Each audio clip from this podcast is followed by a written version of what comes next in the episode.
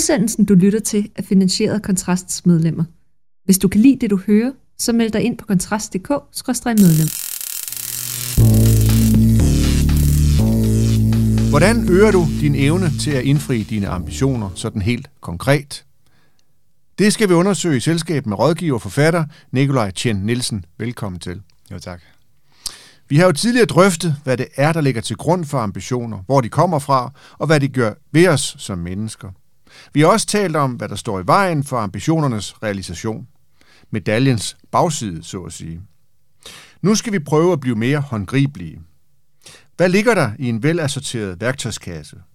Hvad skal du prioritere for at virkelig gøre dine professionelle ambitioner? Hvordan skal du agere, og hvad skal du styre efter? Lad os kaste os ud i det, Nikolaj. Hvad ligger der i din værktøjskasse?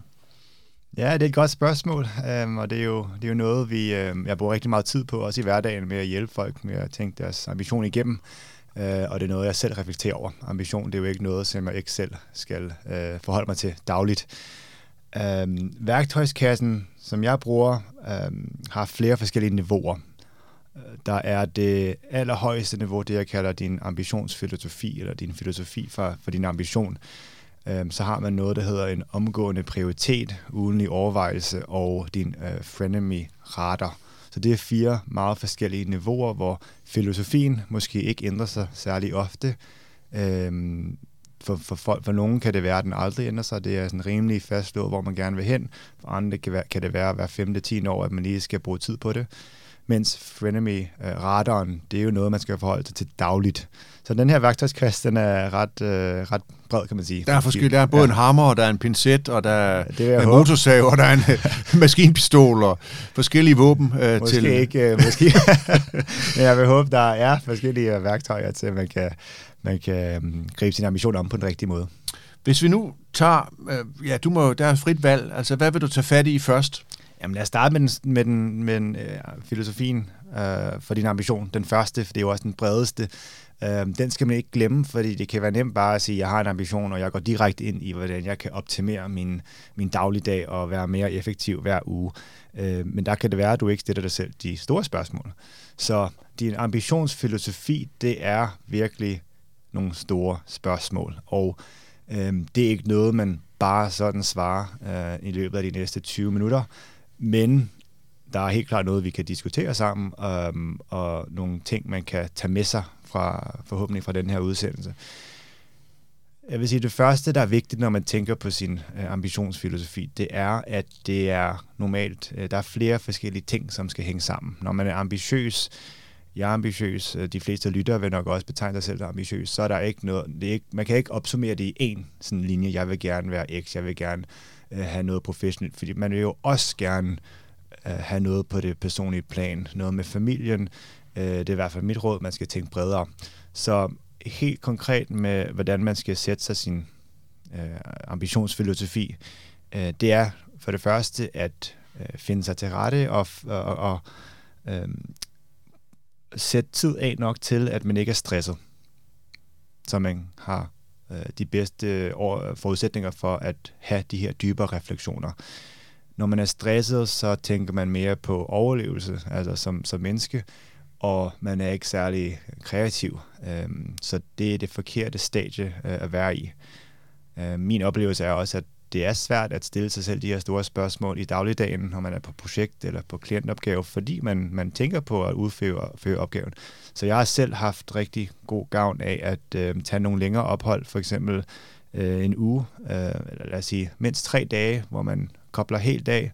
Øh, måske tager man til et andet land. Jeg har været på flere ud, personlige udviklingskurser, og det giver en helt anden plads til netop at fordybe sig i, øh, i sine tanker.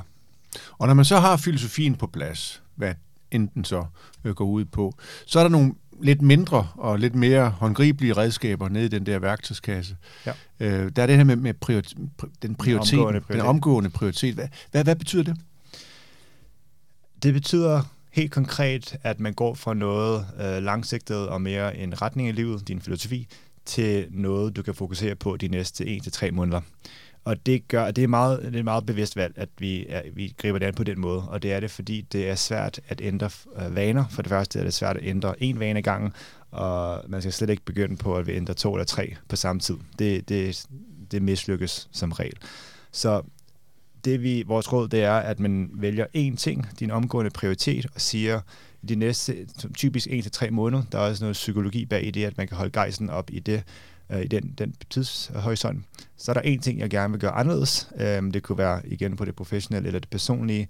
Øhm, og man sætter sig et mål faktisk, som er cirka, hvad der er cirka 70% chance for, at det lykkes med det.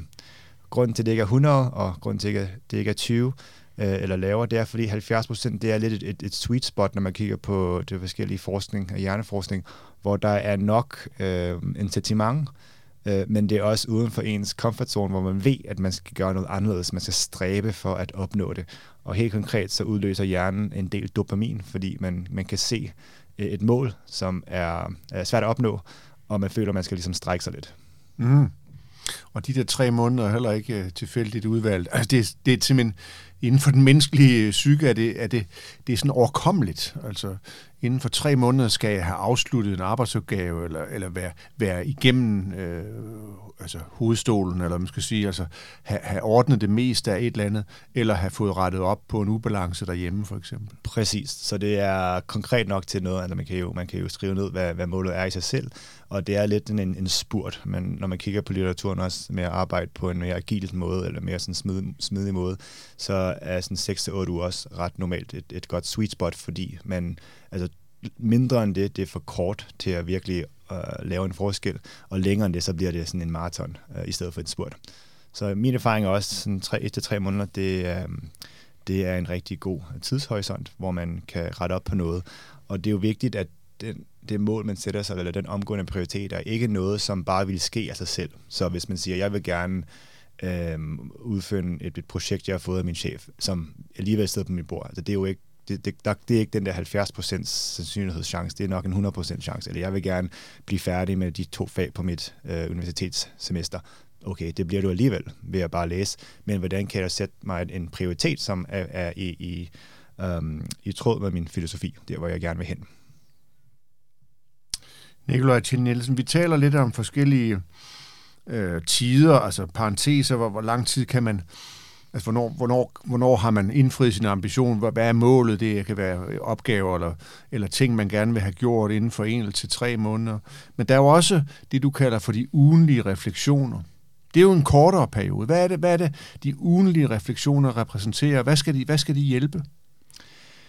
Ja, øh, det er, hvor man kommer ind i en rytme med at øh, gøre det til en vane at tage mere bevidste valg.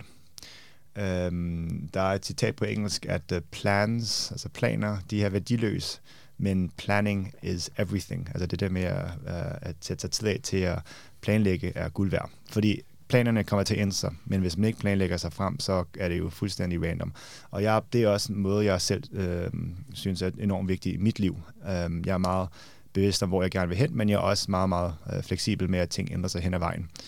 Øh, så de ugenlige overvejelser, det er helt konkret, hvor man tænker for eksempel øh, hver fredag eller øh, søndag eller måske mandag morgen, hvor er der tre steder i den kommende uge, hvor jeg kan bedst eller øh, op, opfylde det op, op min omgående prioritet. Altså hvilken mulighed jeg har for at øge øh, min, min afkasten på min ambition, for at gøre det sådan tilbage til, til ambition i den kommende uge. Tre øh, muligheder. Øh, Øh, hvis vi tager eksemplet med et projekt, som man måske gerne vil gøre bedre, eller på en anderledes måde, eller hvis man er chef og gerne vil øh, lære at delegere, det kunne være en, en, en ambition, man har om at blive en bedre teamchef, og forhåbentlig også øh, øh, hjælpe dine medarbejdere med at udvikle sig selv, og måske også endda arbejde lidt mindre selv. Hvordan kan jeg lære som chef at delegere? Det er min omgående prioritet. Jeg vil gerne have delegeret et, øh, et projekt i den, den næste måned, som jeg ikke altså normalt ville gøre selv, for eksempel så hver uge skal man tænke over, hvilken tre punkter i den næste uge kan jeg så opfylde det her meget konkret. Og det kunne være, at jeg sætter tre øh, samtaler op med den her øh, medarbejder, jeg har delegeret til, for at hjælpe dem igennem det, frem for at bare gøre det selv. Så det, det, det med at bryde dine vaner, det kan være svært, men ved at tvinge dig selv til at sætte det i kalenderen. Jeg bruger også meget en kalender. Jeg tror, det er ligegyldigt, hvilken system du har, men find et system, der fungerer for dig, øh, og så gør det, gør det konkret. Det lyder jo rigtig godt, Nicolai, men, men mange Øh, øh, af de venner og kolleger, jeg har, de klager over, at deres arbejdsdag er total ad hoc.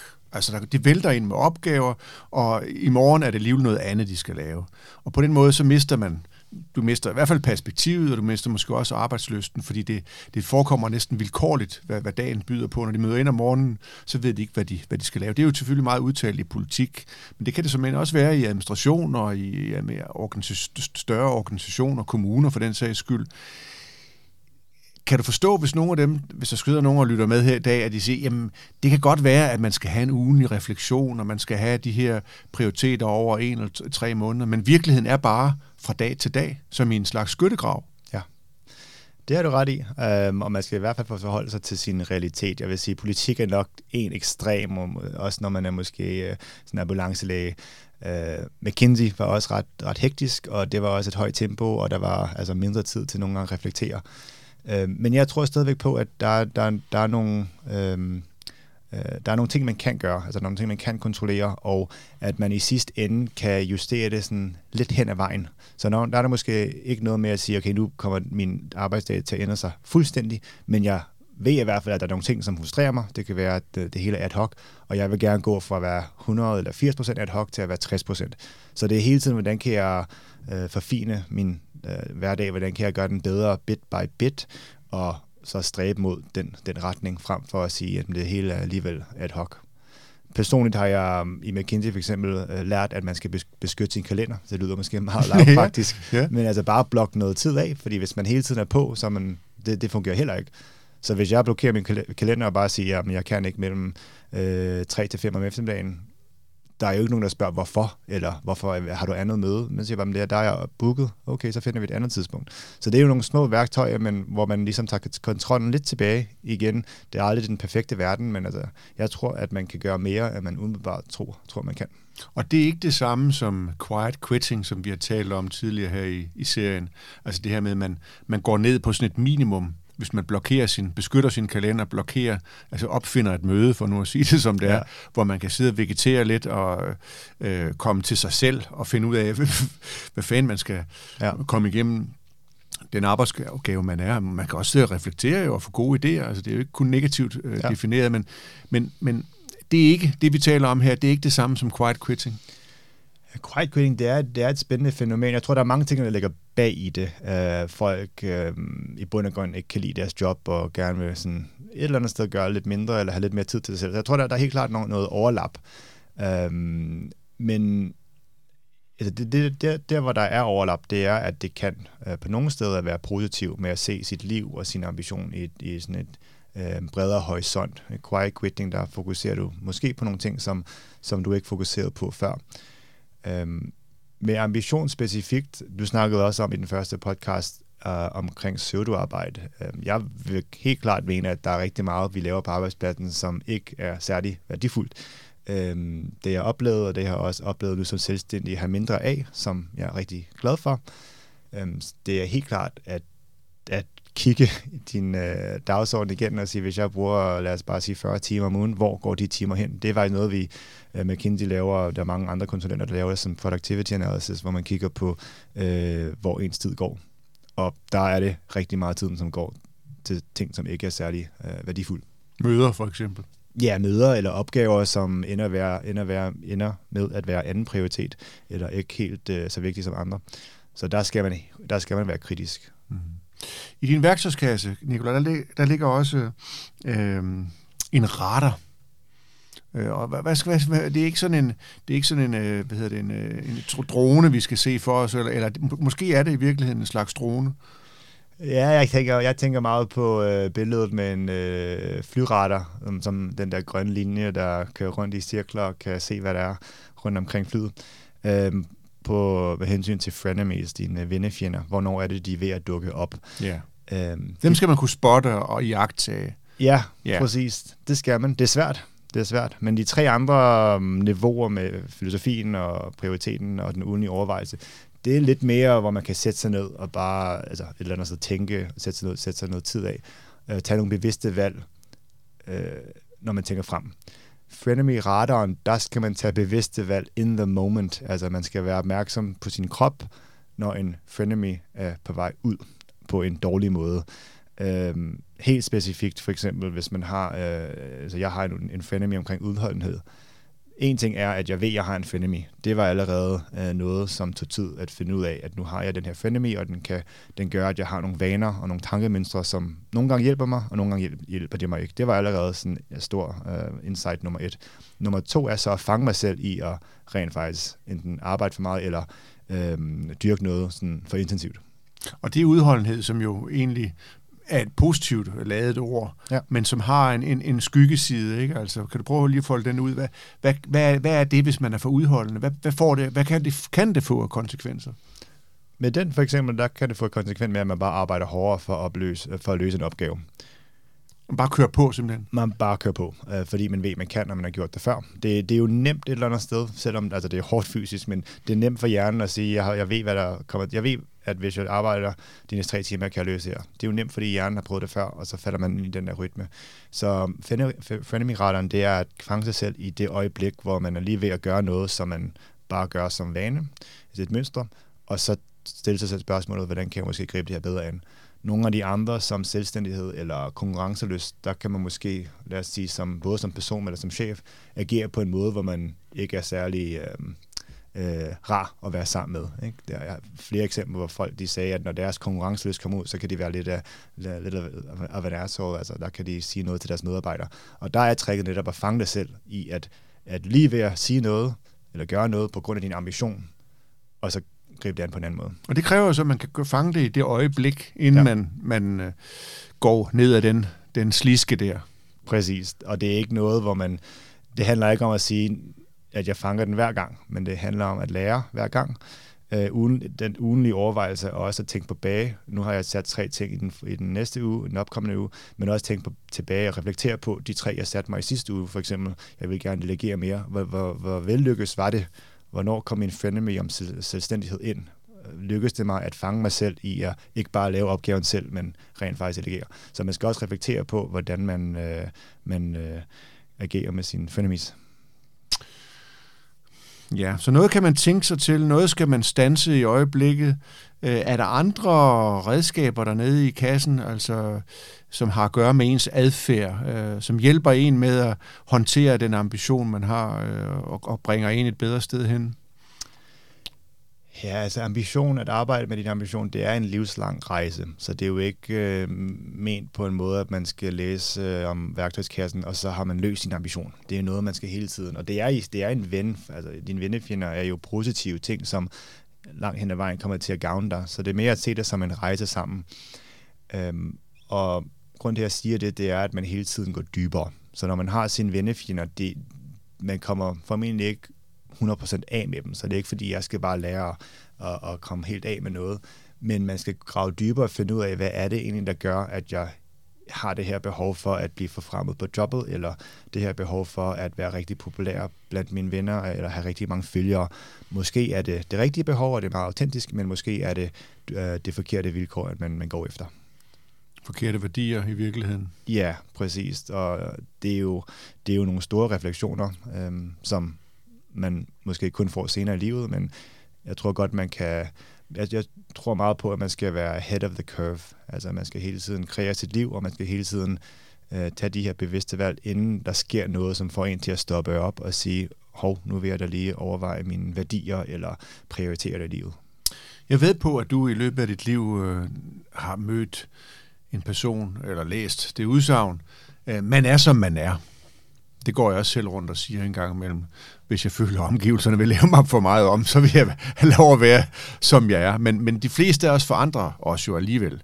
Hvad siger du til den der troisme, øh, at øh, man er, som man er? Er, er, er, du, ven, er du den venlig stemt, eller synes du, det er helt gakket, eller har du mødt den i, i, også i, i professionel sammenhæng?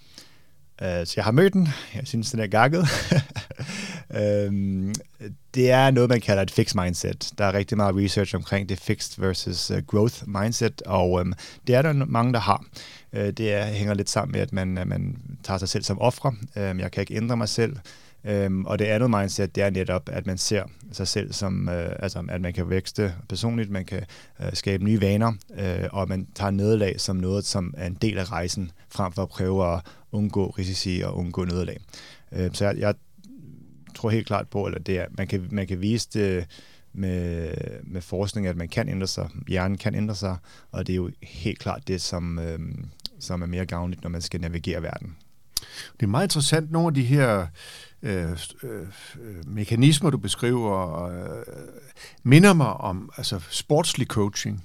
Altså det, det forekommer mig, at man inden for sport, og måske især med arbejde med unge mennesker, talentudvikling osv., at man måske allerede har taget noget af det her ambitionshåndtering ind.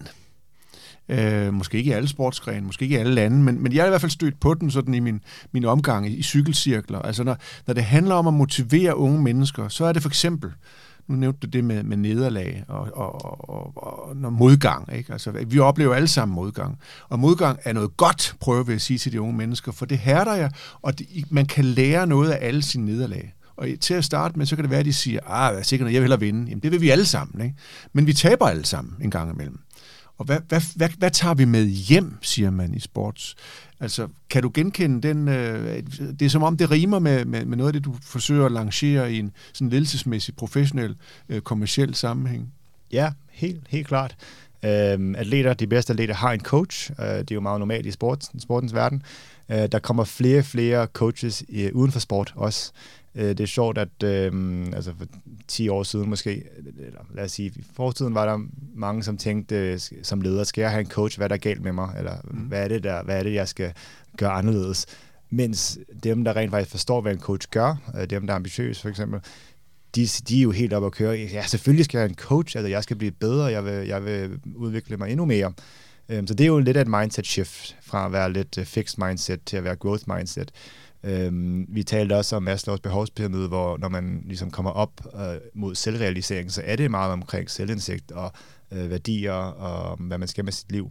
Og det er jo også derfor, at der er der er flere og flere coaches, når man kigger på det som industri. Der er flere coaches i dag end før, der er større efterspørgsel, fordi folk de øh, stiller sig selv de her spørgsmål, som de ikke stillede før. Så det kunne godt tyde på, at, at i sportsverdenen er man faktisk lidt, lidt foran den kommercielle verden, eller den, den altså sådan professionelle verden i øh, erhvervsmæssig sammenhæng. Altså i sporten ved man godt, at man får nogle tæv, og at man skal lære af dem. Ja, ja altså der er, der er forskellige måder at være coach på, og der er jo sunde og usunde måder, men jeg vil, jeg vil give dig ret i, at det, det er mere accepteret i, at for at, blive, for at nå til toppen, eller for at, ud, for at opnå dit potentiale i sport eller uden for sport, skal du have en coach. Du skal have en, der giver dig feedback, og en, du kan lære fra og blive bedre af. Og igen med, med nederlag. Jeg, jeg mente, du skal kunne også tåle, at du skal fejle og have nogle nederlag. Det er jo fuldstændig accepteret i sportens verden. Hvis du ikke har det mindset, så bliver du ikke topspiller, tennisspiller, svømmer, fodboldspiller. Og det mindset kommer der mere og mere i uh, uden for sporten, selvom det ikke er alle, der har det endnu. Og så vender vi os lidt mod vores samtid, vores kære øh, krisesituation, som vi også har været inde på tidligere. Øh, hvordan vurderer du den værktøjskasse? Og har, har du værktøjer nok til også at kunne øh, håndtere ambition i en, i en krisetid, som den vi lever i lige nu? Jeg tror meget på timing, og det er, det er desværre en, en, en svær periode. Jeg tror også, at de næste 12 måneder kan blive ret, øh, ret svære for mange. Øh, jeg tager normalt det langsigtede. Der, der er flere forskellige horisonter, man skal kigge på, men øh, min filosofi for mit liv er meget omkring, hvordan jeg lever min dagligdag, og hvilken retning jeg gerne vil hen til. Og så længe jeg føler mig sådan nogenlunde, at jeg lever med de rigtige værdier, de rigtige for mig, og bevæger mig nogenlunde i den rigtige retning, selvom det kan være langsomt, så kan jeg se tilbage øh, med tilfredshed. Så timing er vigtigt. Øh, det kan være, at man kan gøre mindre, end man havde håbet de næste 12 måneder, men man skal ikke øh, give slip på det. Det, det skal man ikke. Så der er det korte sigt, som er, det er måske 12 måneder, og så har du igen det der femårsperiode som, en, som et fikspunkt, altså et sted, hvor du kan nå, man kan nå, de fleste kan nå ret langt på fem år. Ja, der kan man nå at, at ændre sin, sin uh, verden, sin, uh, sin liv, uh, sit liv, sin karriere. Det, det vil jeg mene. Um, for mig personligt er det det, der vi snakkede om med, med økonomisk selvstændighed for eksempel, og en helt anden businessmodel end før. Um, det, er, det er noget, jeg stræber mod, og det kan være, at de næste 12 måneder går lidt langsommere. Men jeg har i hvert fald sat mig det mål. Og så kan det være, apropos det her med coaching, og altså behovet for sparring, som, vi, som har jo været indgroet i professionel sport, øh, især fra USA og kommet til Europa og resten af verden, at den også breder sig i, i, altså i, blandt øh, dine kunder. Fordi nu skal du jo som selvstændig ud og finde nogle kunder, og du skal hjælpe dem med at håndtere, øh, håndtere deres øh, ambitioner. Hvordan gør du det sådan helt øh, konkret, når du kommer ud som, øh, som, øh, som selvstændig rådgiver? Hvad, hvordan gør man det? Ja. Ja, men jeg prøver netop at hjælpe folk og hjælpe organisationer med at forstå, øh, hvor, den, hvor verden vil hen til. Øh, hvad er det, fremtiden bringer?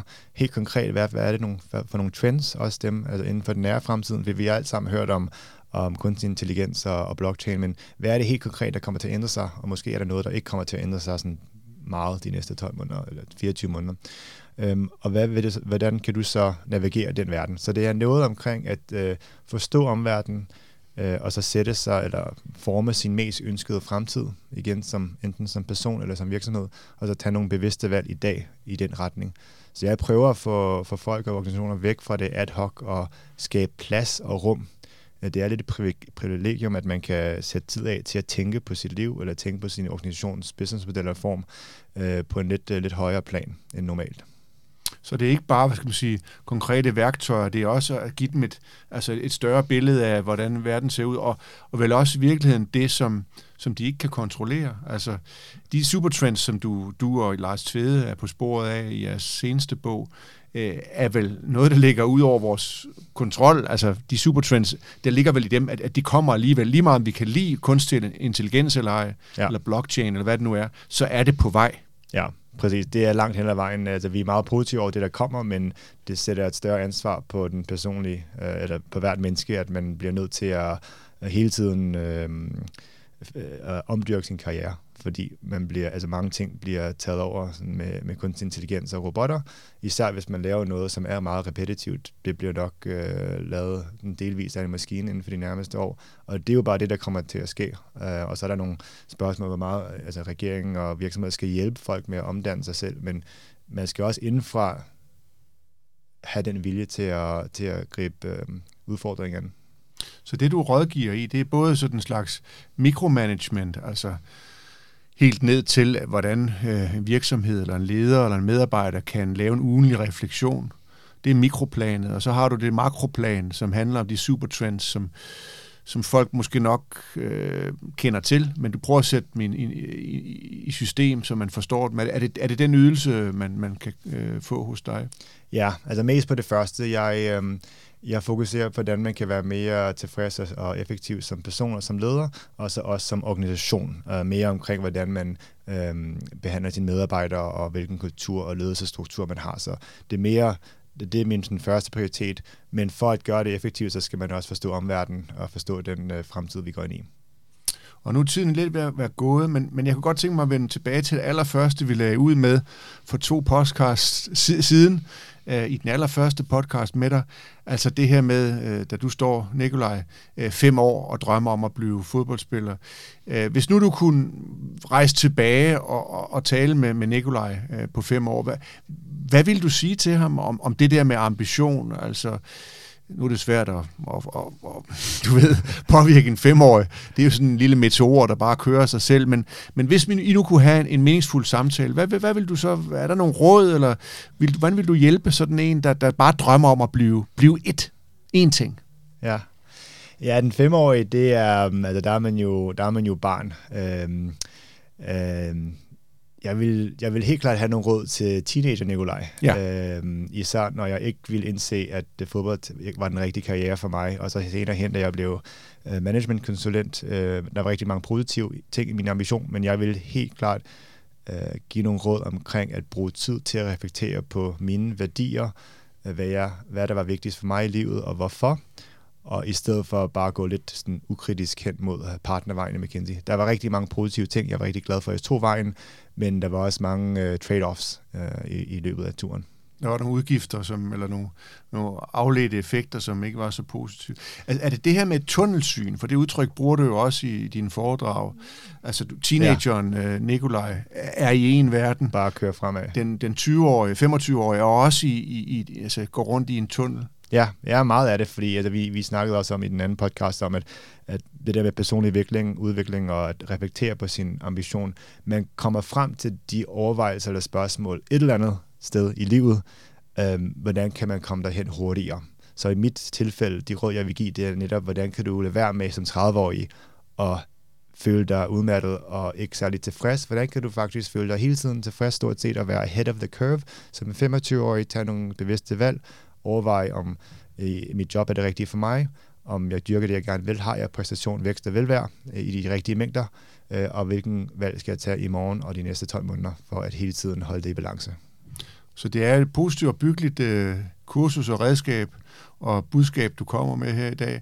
Også hvis man nu skulle være i 50'erne og føle sig udbrændt. Det vil endnu værre, end at være det som 30-årig. For som 30-årig kan man stadigvæk nå at gøre, gøre noget ved det professionelt. Mange i 50'erne oplever den der udbrændthed. Ja. Hvad er dit gode råd til dem? Det er jo næsten for sent. Det, man, igen, man skal starte der, hvor man er. Um, it, it, to some extent, altså, it is what it is. Man skal have et kontrol på det, man kan, fokus på det, man kan kontrollere. Og hvis man er 50 år, så skal man ikke gøre situationen værre. Man har stadigvæk mange, mange år endnu.